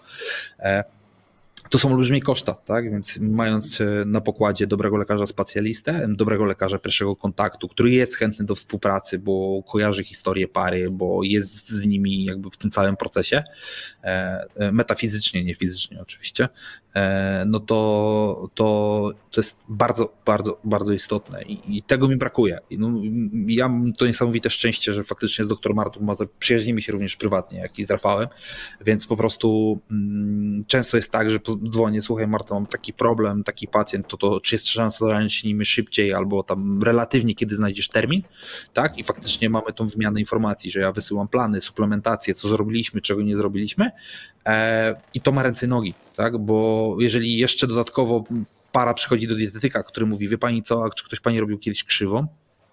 No nie Okej, okay. a ma, ma, pani ma wszystkie objawy hipoglikemii, tak? Bo to również jest kolejny element hipoglikemia. Nie, nie tylko idziemy w stronę insulinooporności, ponieważ mhm, duże wahania cukru, bez względu na to, czy one są wysokie, czy bardzo niskie, tak? Też będą skorelowane ze stanami zapalnymi, też będą skorelowane z problemem zajściem w ciążę, tak? I mm, okazuje się, że ale po co pani krzywa? Krzywą pani zrobi w ciąży. Jak? Jak? Jak? Tak? Czyli jakby ga gaszenie tego, co mówi ktoś, kto nie jest tym lekarzem specjalistą. E, tak, Tylko dodam, trochę popłynąłem. Bo, bo, bo, mówisz krzywą, e, nie każdy może wiedzieć, co chodzi. Chodzi o krzywą glukozową-insulinową, prawda? E, bo chciałam to podkreślić. Absolutnie. Okej. Tak, no to jakby, wiesz, to też pokazuje to, co powiedziałeś, e, rolę e, właśnie e, specjalistów oczywiście, no nie? I jakby tutaj e, dobrej diagnostyki tak, e, tak jak powiedziałeś o, o pani Marcie Mazur, o doktor Marcie Mazur, jak najbardziej, e, jak najwięcej e, też e, osób, które tak szukają, tak? Bo jak powiedziałeś o tutaj o jakichś różnego rodzaju infekcjach, e, no wiemy, że ta diagnostyka często kuleje, zalecenia dia- diagnostyczne często kuleją. My sobie tutaj jako dietetycy możemy pogdybać, ale oczywiście tutaj to wszystko leży w rękach e, lekarzy e, i e, ja myślę, że też jest, idzie to w dobrym kierunku, że, że, że wielu młodych lekarzy się gdzieś tam interesuje, dokształca i, i jakby myślę, że będzie tutaj coraz lepiej, tylko mam nadzieję. A powiedz Marek, ja wiem, że to jest bardzo ogólne pytanie i bardzo wymagające personalizacji, ale czy jest jakaś taka standardowa, e, standardowa diagnostyka, czyli standardowe badania, które uważasz, że taka osoba, która ma problem z płodnością, taki mężczyzna, powinien wykonać? E, Tak jak mówię, zdaję sobie sprawę, że to jest kwestia personalizacji, ale czy jakiś taki basic e, możemy tutaj powiedzieć, od którego w ogóle powinniśmy zacząć? Tak jak mówię, no oczywiście wiadomo, że to zleca lekarz, natomiast co według Twojej wiedzy powinno być wykonane? I, wiesz, jeżeli popatrzymy na wersję budżetową, to w wersji budżetowej badaniem numer jeden powinno być badanie nasienia. Zawsze. I jakby ja pozwalam sobie po prostu prosić swoich pacjentów, którzy przychodzą z taką informacją, że planujemy zrobić, e, planujemy mm, dziecko w najbliższym kwartale, tak? To zawsze mówię do pana, ok, to badanie nasienia. Akurat ja mam dosyć fajną klinikę we Wrocławiu, która tym się zajmuje i mm, do nich wysyłam swoich pacjentów, z którymi pracuję jakby fizycznie, tak? Czy do jakichś bardziej sprawdzonych, jeżeli pracujemy e, online. Natomiast to jest badanie numer jeden. I to jest badanie budżetowe, bo tak naprawdę w momencie, kiedy zobaczymy w najprostszym, najbardziej idealnym świecie, że z nasieniem wszystko jest w porządku, że spełnia przynajmniej te 80-90% normy, to ja się też nie skupiam wtedy na szukaniu dziury w całym, tak? Czyli na zasadzie, że no to nie, to jeszcze zrobimy to, to, to, to, to. Jeżeli mam potwierdzenie, że nasienie jest w porządku, jeżeli widzimy, że motoryczność, objętość, ilość e, jest wszystko w porządku, super, wystarczy, tak? Natomiast jeżeli widzimy, że tam są problemy, czyli na przykład obserwujemy zmiany w pH, co może świadczyć o szeroko pojętych infekcjach, czy widzimy, że motoryka plemników jest niska, co może świadczyć o wielu rzeczach, czy ilość plemników jest mała, tak? No to wtedy zaczyna się realnie szukanie i tutaj faktycznie, jeżeli mm, mamy zrobić taką diagnostykę, to ona jest bardzo szeroka, bo mm, musimy sobie zweryfikować elementy podstawowe, takie jak chociażby niedobory, czyli tutaj szeroko pojęta morfologia, B12, kwas foliowy, zapasy żelazowe, transferyna, ferytyna. E, Warto, jak wspomniałem wcześniej, zarówno w obu wypadkach i, i pana i pani e, zweryfikować, jak wygląda kontekst em, tych zmian genetycznych w, jakby w tej dziedzinie MTHFR-ów, tak? Czy mamy pana i panią, no bo to, to będzie od, u kobiety będzie odgrywało istotną rolę, chociażby w samym prowadzeniu suplementacyjnym, tak? U pana w kontekście gospodarki czerwonokrwinkowej, która będzie też bardzo istotna, jeżeli chodzi o produkcję nasienia. E, Cała gospodarka cukrowa, mm, jeżeli są wskazania, a najczęściej są wskazania do zbadania krzywej cukrowej, bo możemy mieć utajone problemy z cukrem, cukrem które nie dają objawów, tak? Myślę, że zarówno ty w swojej praktyce, jak i ja możemy wymienić klientów, którzy absolutnie nie mieli objawów insulinooporności, bo byli szczupli, wysportowani, wszystko było fajnie, a nagle okazywało się, że realnie insulinooporność jest, tak? W takim większym stopniu i to odrywa na przykład rolę, tak? E, Weryfikacja hormonalna, czyli badanie testosteronu, badanie SHBG, badanie testosteronu wolnego, estrogenów, praca przysadki, FSH, LH, prolaktyna. To są podstawy, tak? Czyli jeżeli, jeżeli już sobie szukamy, to patrzymy na wszystko. Układ nerwowy, gospodarka hormonalna, e, układ czerwonokrwinkowy, gospodarka tłuszczowa, czyli baza. Tak naprawdę możemy spokojnie wymienić listę tych wszystkich badań, które robimy w kontekście na przykład deficytu testosteronu, bo bardzo często one będą się po prostu pokrywały, tak? Zresztą w jednym z naszych filmów nawet e, ja punktowałem te wyniki, e, te, tą listę badań, którą warto zrobić, jeżeli chodzi o ten kontekst zaburzeń hormonalnych, bo y, myślę, że 8 na 10 osób, które mają problemy z nasieniem, mają korelację również z problemem z wytwarzaniem odpowiedniej ilości hormonów, czy odpowiednim poziomem e, testosteronu, czy chociażby odpowiednim poziomem, czy odpowiednim e, jakby stężeniem FSH do LH, czy testosteronu do estrogenu. Mhm, mhm. Tak, tutaj e, jak najbardziej nasz odcinek o, o testosteronie i jak po, podwyższyć poziom testosteronu, e, właśnie jak dbać o styl życia, dietę e, i, i całokształt. Gdzieś tam tutaj też podlinkuję, w opisie do filmu też znajdziecie ten link na, do tego naszego filmu i serdecznie Was po tym filmie odsyłam, jeżeli jeszcze nie oglądaliście. A tak mi się takie pytanie jeszcze Marek tutaj nasuwa, czy jest coś, co zazwyczaj nie jest sprawdzane tak rutynowo, a być powinno. Czy na przykład zauważasz, że właśnie, no, wspomniałaś tutaj o tej, e, o tej krzywej jakby generalnie o, o insulinooporności, że ona jest rzadko e, diagnozowana, ale czy jest coś takiego, co, co zauważasz faktycznie u, u, w, w, przypadku e, problemów z niepłodnością u mężczyzn? Hipoglikemia. To tak niesamowicie często, bo taka łagodna forma hipoglikemii, ona może nam nie dawać tych objawów typowo hipoglikemicznych, które są dosyć widoczne, typu czy jak pan zje posiłek, to jest szeroko pojęta senność, tak? No nie, taka normalna, tak? Więc, więc to jest olbrzymi problem, tym bardziej, że faktycznie hipoglikemia będzie stymulowała wytwarzanie kwasu glutaminowego, który nie tylko jest tam szeroko pojęty neurotoksyczny, ale no, działa na wiele receptorów w naszym ciele. Mhm. E, no i oczywiście, kiedy mamy hipoglikemię, też ta gospodarka cukrowa jest mocno upośledzona, bardzo często mocniej niż w przypadku insulinooporności. Mhm. E, więc, więc tak, to myślę, że to jest takie mocno utajone e, w wielu wypadkach i to należy zweryfikować. Okej, okay, okej, okay, bardzo ważny głos. Um, powiedz mi, um, powiedzmy, mamy e, parę, która, która ma problemy e, z, z płodnością. E, mają też jednocześnie, załóżmy, że problemy z tymi czynnikami, które wymieniłeś, czyli powiedzmy otyłość, e, problemy z dobrą dietą, nadmiar stresu i tak dalej, jakby nic z tym e, nie robią i decydują się na in vitro, na przykład. E, czy niezadbanie o te czynniki, o których powiedzieliśmy właśnie związanych ze stylem życia, nawet trochę, czy to może wpłynąć na efekt właśnie in vitro, na skuteczność e, takiego zabiegu? Tak, no tutaj jest olbrzymia ilość badań, jeżeli chodzi o sam wpływ zespołu metabolicznego na e, skuteczność in vitro i ona drastycznie spada. Ona po prostu drastycznie spada. E, jakby no, ta korelacja pomiędzy stresem a in vitro jest nieco mniejsza, e, czyli tutaj nie, znajdziemy jakiegoś szeregu publikacji, czy nie zostaniemy zasypani publikacjami, jak wpływa stres na, na faktycznie skuteczność in vitro. Aczkolwiek zespół metaboliczny jest bardzo dużym utrudnieniem, tak? Więc jakby pary, które decydują się na in vitro, e, wiedząc, że jest taka sytuacja, a nie inna, jeżeli chodzi o ich zdrowie metaboliczne, mm, no niestety narażają się na to, że ta skuteczność będzie znikoma, tak? I to mhm. spada, spada niesamowicie nisko. Rano zresztą przeglądałem sobie publikacje, bo e, zbieramy materiały do programu z dr Mazur na temat właśnie płodności, gdzie będziemy poruszali sobie tam kontekst farmakologiczny, dietetyczny z konkretnymi wytycznymi, zaleceniami. E, i sam, sam byłem w szoku, że to aż tak procentowo wygląda, bo jakby dla nas to jest y, oczywiste, tak? Czyli jakby dla nas, dla osób, które siedzą w tej branży zdrowotnej, no to jest oczywiste, że muszą być stworzone idealne warunki do tego, żeby po prostu doszło do zapłodnienia. Natomiast ten kontekst nawet do 60-70% spadku skuteczności in vitro jest, tak? Tym bardziej, że mm, u nas w Polsce ta metoda in vitro, e, nie, nie pamiętam jakie teraz są przepisy, ale wiem, że mm, była refundowana określona ilość, o ile jeszcze jest refundowana, a potem te koszta są olbrzymie. To są naprawdę olbrzymie koszta, jeżeli chodzi o metodę in vitro.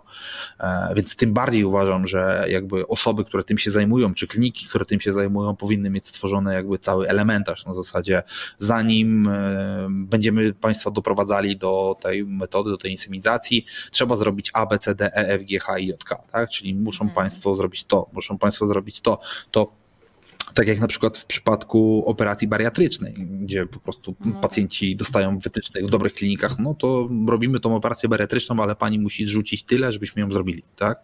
Albo musi mieć pani przygotowane papiery od dietetyka, którą pani poprowadzi po operacji bariatrycznej, tak? Więc jakby... Też bardzo mm, ważny no, temat, no. Więc, więc jakby na to trzeba zwrócić uwagę, gdzie ten elementarz jest, tak? Ja mm, jakby mocno odbiegając od tematu, ale mam przyjemność pracować z paniami z Unidentu, czyli z panią e, Iwoną Gnach-Olejniczak i Moniką Olejniczak e, i pamiętam jak któregoś razu przygotowywaliśmy wspólnie protokoły przed i pooperacyjne, jeżeli chodzi o suplementację wyniki badań, tak? I panie bardzo często przed podjęciem jakiegokolwiek na przykład zabiegu chirurgicznego, wiem, że mówimy o kontekście zębów, może wydawać się śmieszne, ale panie bardzo często proszą o przeniesienie świeżych wyników morfologii poziomów żelaza, żeby zweryfikować, czy po prostu zabieg ma sens, tak? Żeby stwierdzić, czy wszystko się będzie goiło, a jeżeli nie, no to są, mamy przygotowane pewne protokoły suplementacyjne, czyli na dwa tygodnie przed, takie dawki witaminy C, takie lizyny, takie likopenu i tak dalej, i tak dalej, po to, żeby po prostu pacjent w momencie, kiedy ma zrobiony zabieg, żeby jak najszybciej wrócił do normy, tak? Mhm czy żeby w ogóle doszło do tego zabiegu. E, natomiast no, tu bardzo często no, mi trudno jest powiedzieć, bo nie pracowałem z pacjentami stricte e, in vitro. Przede mną akurat dzisiaj zresztą trafił mi się taki pacjent, więc zadziałało prawo serii. Ty mnie zaprosiłaś na rozmowę o płodności, a dzisiaj trafili do mnie pacjenci właśnie dokładnie z tym samym problemem. E, po in vitro, chyba drugim czy trzecim nieskutecznym, więc jakby portfel jest bardzo mocno uszczuplony, więc będę miał szansę sprawdzić wiele rzeczy po prostu w praktyce w boju. Natomiast realnie to jest pierwsza rzecz, którą ja zapytałem, tak? I moje pytanie było takie, jak wygląda wasze życie, wygląda wasza dieta i te podstawowe ruchy. I myślę, że to jest olbrzymi problem. To jest naprawdę olbrzymi problem, bo e, wątpię, a jeżeli jest jakaś klinika, to chylę czoło, ale wątpię, żeby po prostu na to, do tego przykładali uwagę, tak? Czyli bardziej ok, chcecie in vitro, super, zapraszamy, trzeba zrobić to, tyle czasu będziecie czekać, tyle to będzie kosztowało, tak? A nie ma opcji. Do, no, czy najpierw was przebadamy w tym wypadku, czy najpierw fajnie by było, jakbyście faktycznie zadbali o to jedzenie, o jakość tego, co robicie, o tą odpowiednią aktywność fizyczną, żeby po prostu były stworzone idealne warunki tak, do tego, żeby po prostu do tej ciąży zaszło, czy do tego zapłodnienia. No tak. To też jest kolejny element, bo jakby my mówimy o samym zapłodnieniu, natomiast nawet w przypadku posiadania zespołu metabolicznego przez pana jest dużo większe ryzyko poronienia niż w przypadku, kiedy mamy pana, który nie ma e, zespołu metabolicznego, tak? A jeżeli dołożymy do tego jakby jeden plus jeden, czyli mamy pana z zespołem metabolicznym i panią z zespołem metabolicznym, co w dzisiejszych czasach nie jest niczym wyjątkowym, to już w ogóle samo, sam kontekst donoszenia ciąży drastycznie spada, albo e, sam kontekst poronienia drastycznie wzrasta. Mm. Tak? Więc to są takie rzeczy, na które też warto zwrócić uwagę, bo my rozmawiamy o tym, co się dzieje przed, czyli mówimy o tym, co zrobić, żeby było w porządku, żeby, żebyśmy my, panowie, wyprodukowali jak najwięcej, jak najlepszych pływaków. Tak? No bo oczywiście każdy, każdy z nas marzy o tym, żeby, żeby nasi, nasi potomkowie byli jak Michael Phelps, Michael Jordan, LeBron James. Tak? Chcemy mieć najlepszych pływaków, nie? Mhm. ale nie myślimy o tym, co w trakcie, bo tak naprawdę mamy jeszcze 9 miesięcy, które będą definiowały to, co będzie działo się dalej z dzieckiem. No tak. No tak. E, to, co powiedziałeś a propos, a propos edukacji w kontekście przed in vitro, e, cudownie, gdyby coś takiego było. Pewnie gdzieś jest, e, pewnie jest tego za mało. Um, ale mam takie poczucie, tak jak też wspomniałam, że jest dużo osób, które e, mają wskazania wyraźne, zdrowotne, a i tak zaczynają od e, in vitro. Mm, nie mnie to wiadomo oceniać, bo każdy ma inną gotowość mentalną, psychiczną do wprowadzenia zmian. Ale chciałabym, żebyśmy sobie chwilę pofilozofowali, pofilozofowali e, tutaj, zabawić, żebyśmy, się tutaj, żebyśmy tutaj trochę porozmawiali o tym, dlaczego tak się dzieje Twoim zdaniem. My trochę o tym rozmawialiśmy też już w naszej rozmowie o testosteronie mm, e, i o tym, dlaczego często nie jesteśmy gotowi do podjęcia tych zmian, e, akurat no, tutaj w kontekście mężczyzn. Tak i tutaj trzymając się tych mężczyzn, dlaczego y, kiedy mamy mężczyznę powiedzmy z otyłością, z zespołem metabolicznym, z licznymi problemami zdrowotnymi wynikającymi ze stylem życia, dlaczego często y, nie zostają podejmowane y, odpowiednie kroki? Z Twojego doświadczenia, chodzi mi o Twoją doświadczenie pracy, pracy właśnie z ludźmi, bo trochę już tych osób przerobiłeś, że tak powiem, więc masz pewien pogląd na ten temat jeżeli chodzi o kontekst e, tych problemów. Wiesz, mm, ja zawsze sprowadzam to do e, problemu z pracą własną. Nam się wydaje, że najczęściej, że wszystko jest z nami w porządku. Nawet jeżeli z nami nie jest wszystko w porządku, to i tak nam się wydaje, że wszystko jest w porządku. Bardzo często ten kontekst, e, my już sobie o tym rozmawialiśmy w kontekście bycia macho, natomiast bardzo kontekst ten sam, sam właśnie element, że jesteśmy facetami, daje nam taką informację, że z nami nie może być coś nie w porządku bo ja jestem facetem. Wszystko, ja jestem zdrowy, tak? E, z drugiej strony mm, jesteśmy dosyć oporni do wprowadzenia zmian. Mm, nawet bym powiedział, że bardzo oporni do wprowadzenia zmian i e, jest to też problematyczne, jeżeli chodzi o długoterminowość, tak? No i trzecia rzecz, którą ja obserwuję, to jest e, duży problem ze specjalistami, którzy pracują z ludźmi, bo mm, jest zachowana nieodpowiednia dynamika w tej pracy. I e, ja rozmawiając też z ludźmi z naszej branży, czy ludźmi, którzy zgłaszają się do mnie właśnie z takimi problemami nieco bardziej na zasadzie, słuchaj, prowadzę gabinet dietetyczny, czy jestem trenerem i mam jakieś tam problemy z klientami, to mam wrażenie, że ta dynamika jest e, mocno odwrócona, bo mm, w momencie, kiedy nasz pacjent, tak, czyli jakby X idzie do lekarza, dynamika jest taka, że to jest lekarz i od niego coś potrzebuje, e, więc e, jeżeli on coś powie, to to jest święte. Ja to będę robił, bo to jest lekarz. Tak? No, u nas jest ta mentalność nieco inna. E, ten mi powiedział tak, to pójdę do innego, może mi powie co innego. Tak? Natomiast w naszym wypadku ta dynamika wygląda w ten sposób. Ja przychodzę do specjalisty żywienia, trenera, dietetyka, ja mu płacę za usługę, więc ja będę wymagał, żeby on robił to, co ja mu powiem, to, co ja chcę. Tak? I to jest olbrzymi problem, bo my wiemy lepiej. Tak? Czyli jeżeli my mówimy, że słuchaj, nie możesz tego robić, bo raz, że to jest głupie, dwa, że to nie działa, trzy, że to, co robisz, doprowadziło ci do tego, gdzie jesteś, a no, z tego, co wiemy, nie chcesz już tutaj być, tak? Czyli mhm. no, tutaj jakby rozmawiamy w kontekście męskiej płodności, czyli to, to wszystko, co robiłeś do tej pory spowodowało, że jesteś niepłodny, albo ta płodność jest drastycznie obniżona, więc musisz to zmienić, tak? E, ja miałem taką rozmowę i możecie tam mnie mocno pochlastać, ale ja pamiętam, że rozmawiałem z kimś i, i padł argument, wiesz co, no nie możesz robić tego, no bo realnie twoje wyniki, które mi pokazałeś, wynika, wynikają właśnie z tego, że robisz dokładnie tą jedną głupią rzecz, tak? No i jakby odpowiedź padła, ja zmienię wszystko, ale e, nie to, tak? Mhm. Teraz nie, nie, nie chciałbym mówić, co by to było, ale w każdym razie to jest to, czego zmienię. Ja mówię, ok, tak będziesz wychodził, tam po prawej przy drzwiach leży katalog z trumnami. Wybierz jedną i powiedz, którą wybierasz, to ci zamówię na swój koszt. No, no bo to, to jest dokładnie to. I ja bym chciał, żebyśmy, jeżeli słuchają nas dietetycy, to to jest moja prośba do Was. Pamiętajcie, że ta dynamika jest odwrotna, tak? Że to Wy musicie utrzymywać klienta w ryzach i nie dać sobie wejść na głowę. E, I z drugiej strony, jeżeli mm, rozmawiamy z ludźmi, którzy będą klientami dietetyków czy jakichkolwiek trenerów, to pamiętajcie o tym, że jakby głównym założeniem tego, co my robimy, jest to, żeby Wam pomóc. Nawet jeżeli Wam się to nie podoba, to my tego nie robimy po to, żeby Was denerwować. Nie zabraniamy Wam jest tej czekolady, bo chcemy więcej dla siebie. Znaczy w moim przypadku tak jest, ale w każdym innym pewnie nie. E, I tylko dlatego, że to jest coś, co wam szkodzi, coś, co wam przeszkadza i coś, co wam utrudnia osiągnięcie tego, z czym do nas przychodzicie, więc albo działamy wspólnie i słuchajcie nas jak generała na wojnie, bo my wiemy lepiej, jak wygrać tą wojnę, albo w ogóle nie ma sensu zaczynać tego, bo wy nie możecie generować w wojnie, w której nie wiecie o, tak naprawdę, co się dzieje, kto jest kim, a kto jest e, przyjacielem, kto jest wrogiem. Mhm.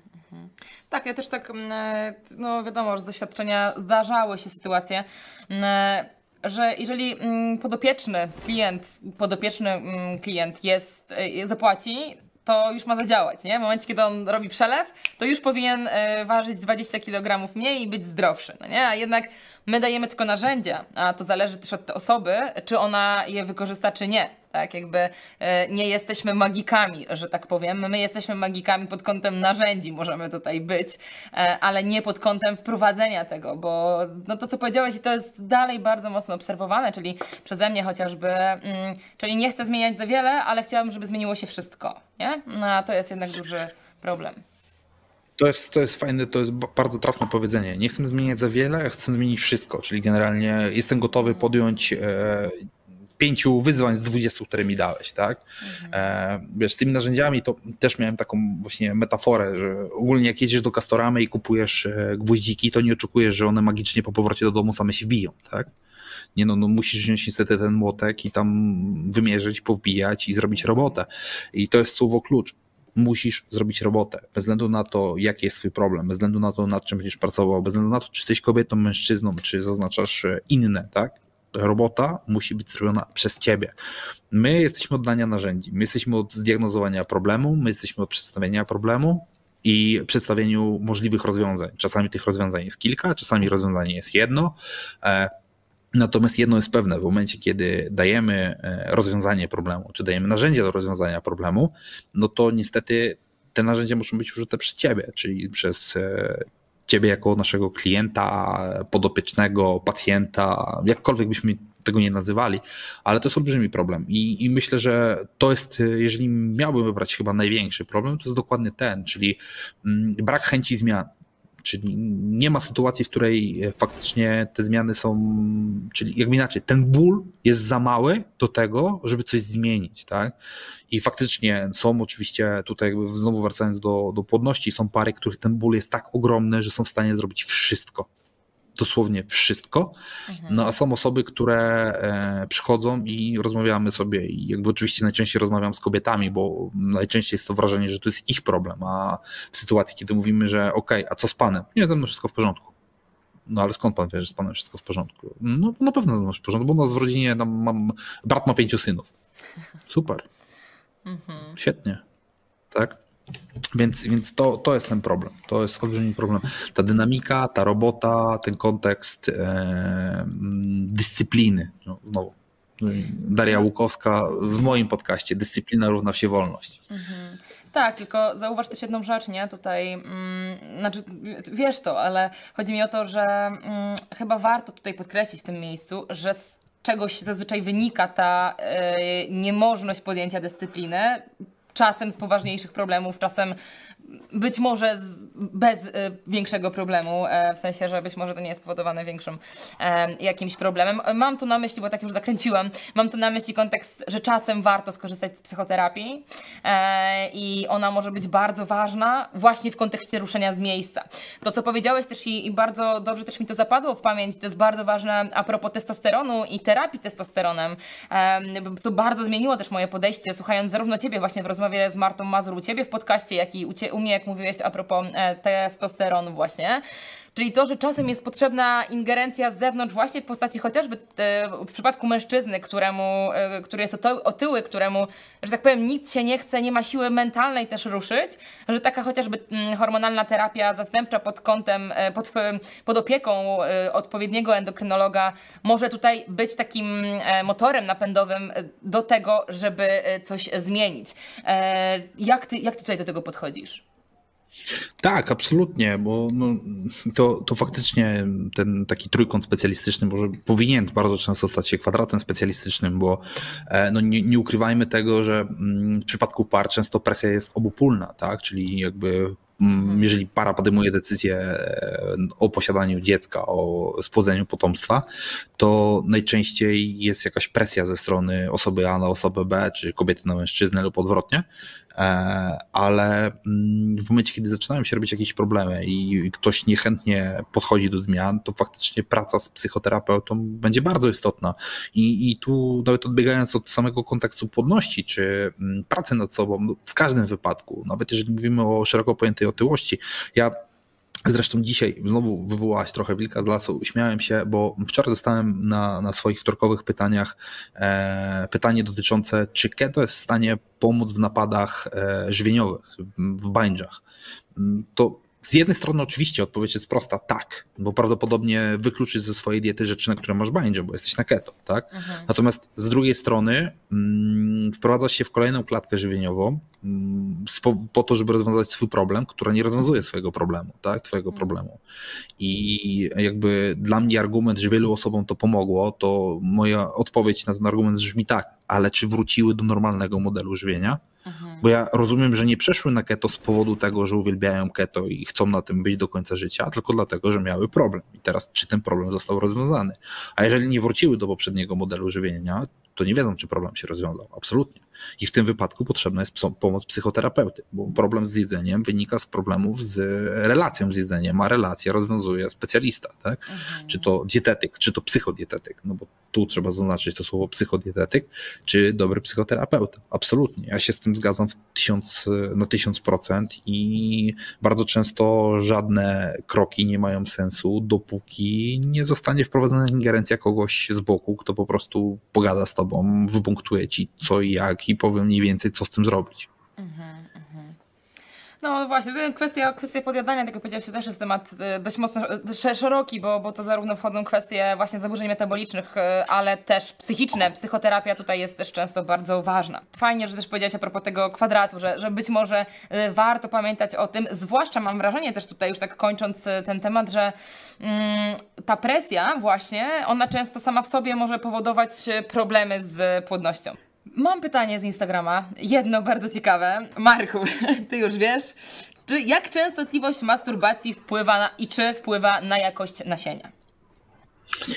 To jest ciekawe pytanie, bo dosta, do, do, do, dostałem je aż od ciebie, żebyś napisałaś mi zoba, zoba to z zaznaczeniem. E, popatrzyłem sobie publikacje naukowe i jest dosyć jedna fajna publikacja z lat 80 oczywiście poprzedniego wieku, e, gdzie było badanie na 21, 21 studentach medycznych i było pokazane, że faktycznie e, częsta ejakulacja zmniejsza objętość produkowanego nasienia, w sensie produkujemy go po prostu mniej, natomiast jakościowo nie zmienia się za wiele. Tak? Więc jakby jeżeli chodzi o sam kontekst e, jakości, czyli ilości plemników, to bym się raczej nie martwił, natomiast objętość może faktycznie spadać, bo jakby no, produkcja ejakulatu też trochę trwa, to nie jest tak, że generalnie mamy, wiecie, maszynkę z lodem w lodówce, która produkuje 247 ejakulat i jesteś gotowy do wystrzału co chwilę, nie? Więc jakby też musimy dać sobie trochę tego czasu, nawet, e, nawet biorąc pod uwagę sam fakt tego, że w momencie, kiedy mamy zrobić badania nasienia, to jest odpowiedni protokół, czyli tam nie wolno e, doprowadzać do ejakulacji, przez x, y, z czasu, tak? Więc jakby na to bym zwrócił uwagę.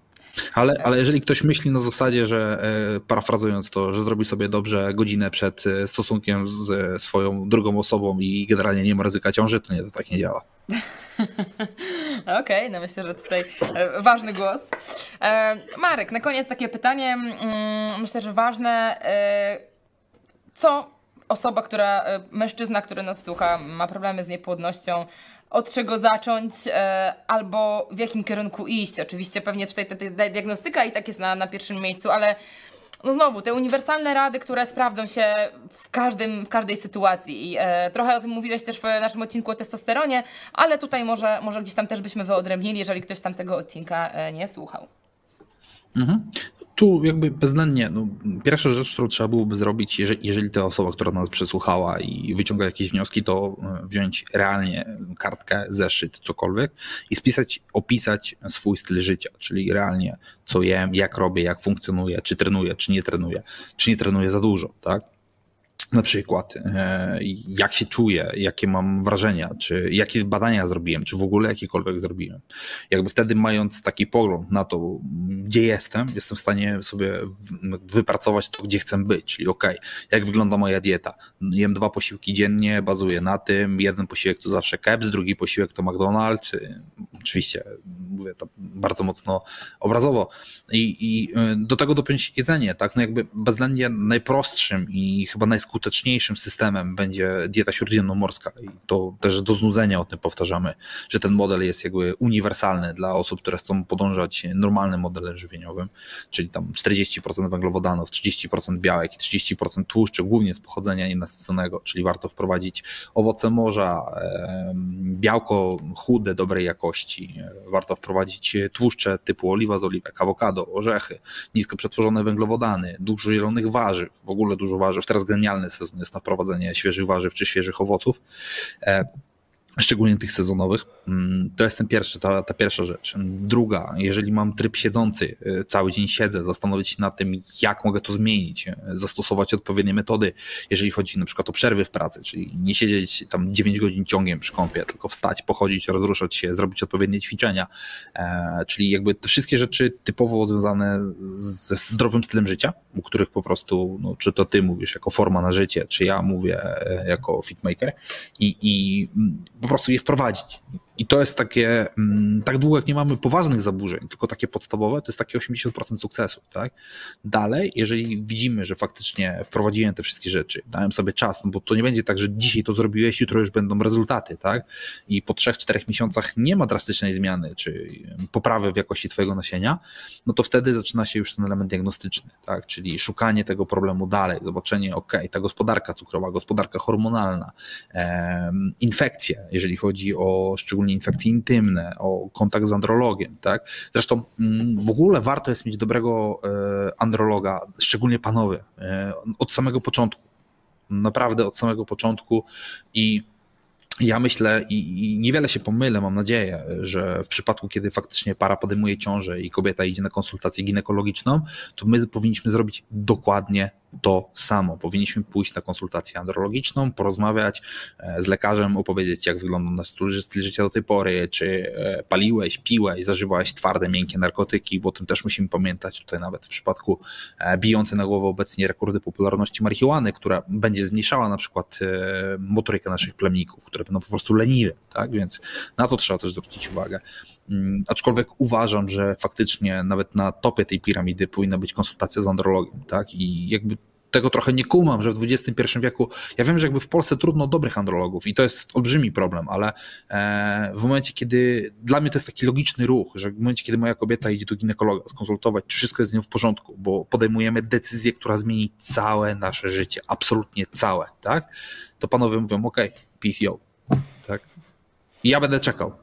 Super. No nie, no ty też idziesz do lekarza, rozmawiasz sobie z andrologiem, piszesz, panie doktorze, pani doktor, planuję ze swoją narzeczoną ciążę, czy powinienem zrobić badania? Jakie badania? Na co zwrócić uwagę, tak? I to jest genialny ruch.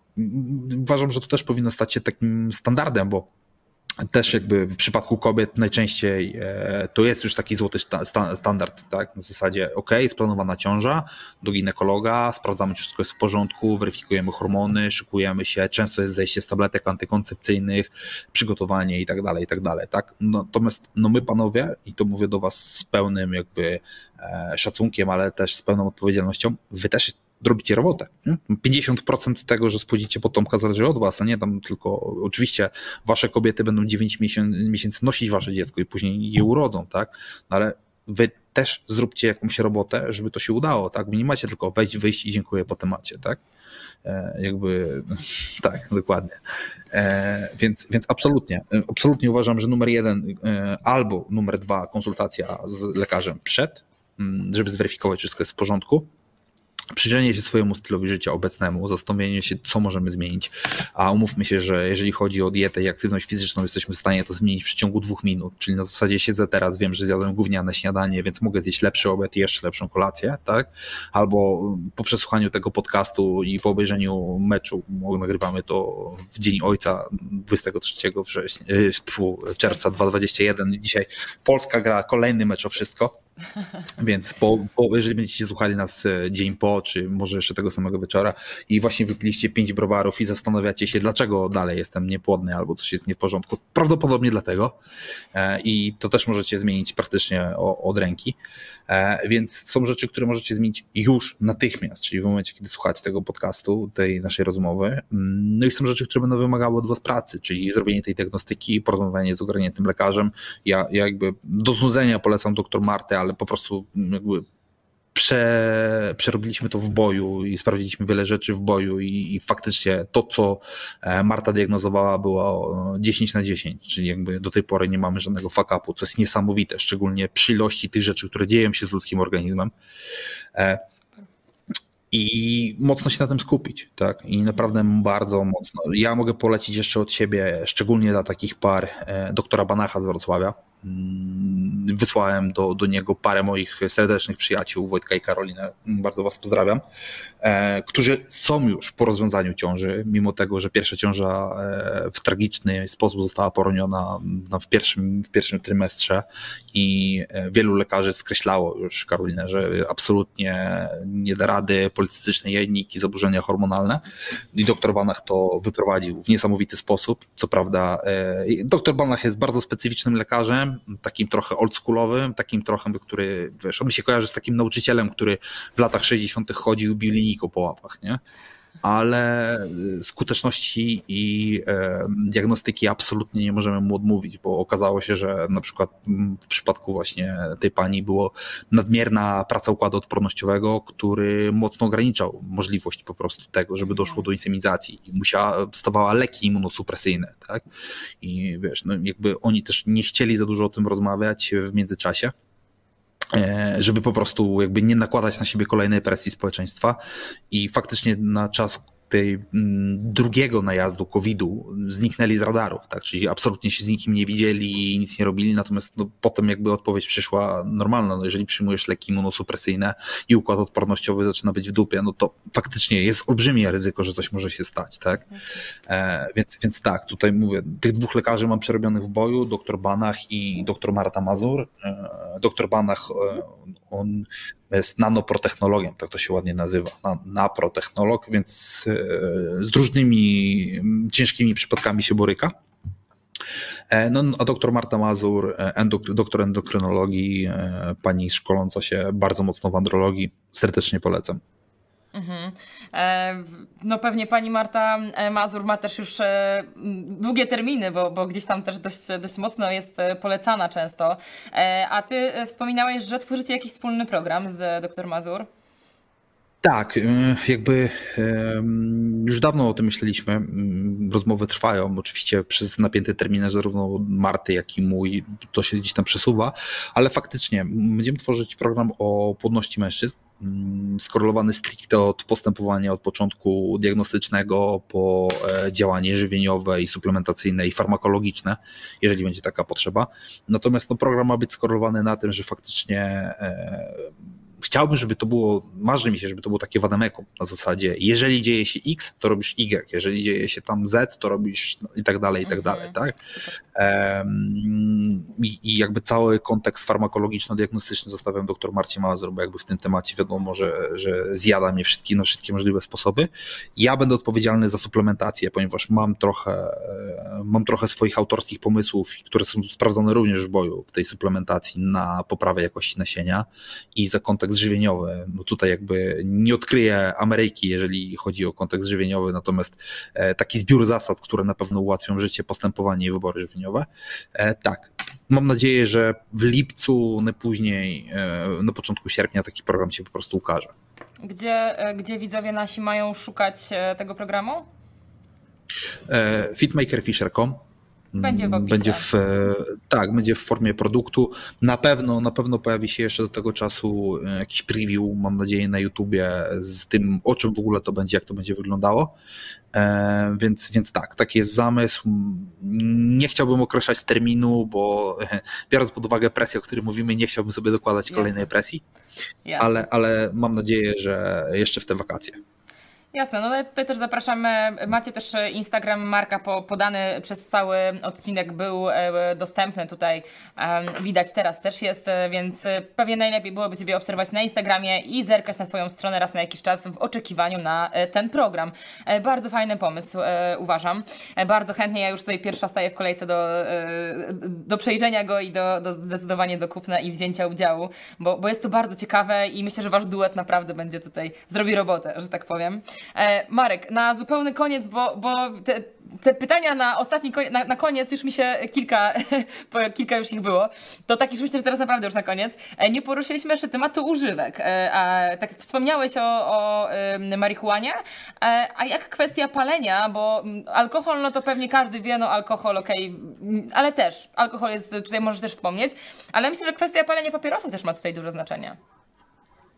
Tak, znaczy, jeżeli chodzi o alkohol, to ja absolutnie odsyłam do Twojego e, odcinka, jeżeli chodzi o sam kontekst alkoholu i zdrowotności mhm. alkoholu. Myślę, że nie będę miał nic do dodania, bo mm, wiele rzeczy możemy sobie podciągnąć nie tylko pod kontekst, czy to nowotworowy, ale szeroko pojętego zdrowia. Tak to na pewno. E, używki w każdym wypadku, czyli tutaj, jeżeli mówimy o twardych czy miękkich narkotykach, to na ten moment, na stan obecnej wiedzy e, działa negatywnie, czy to chociażby kokaina, czy marihuana, czyli to takie, myślę, najbardziej popularne e, dragi, jeżeli chodzi o XXI wiek. E, jeżeli chodzi o psychoaktywne, czyli grzybki, czy MDMA, czy e, inne rzeczy, trudno powiedzieć, nie ma zbyt wielu publikacji na ten temat.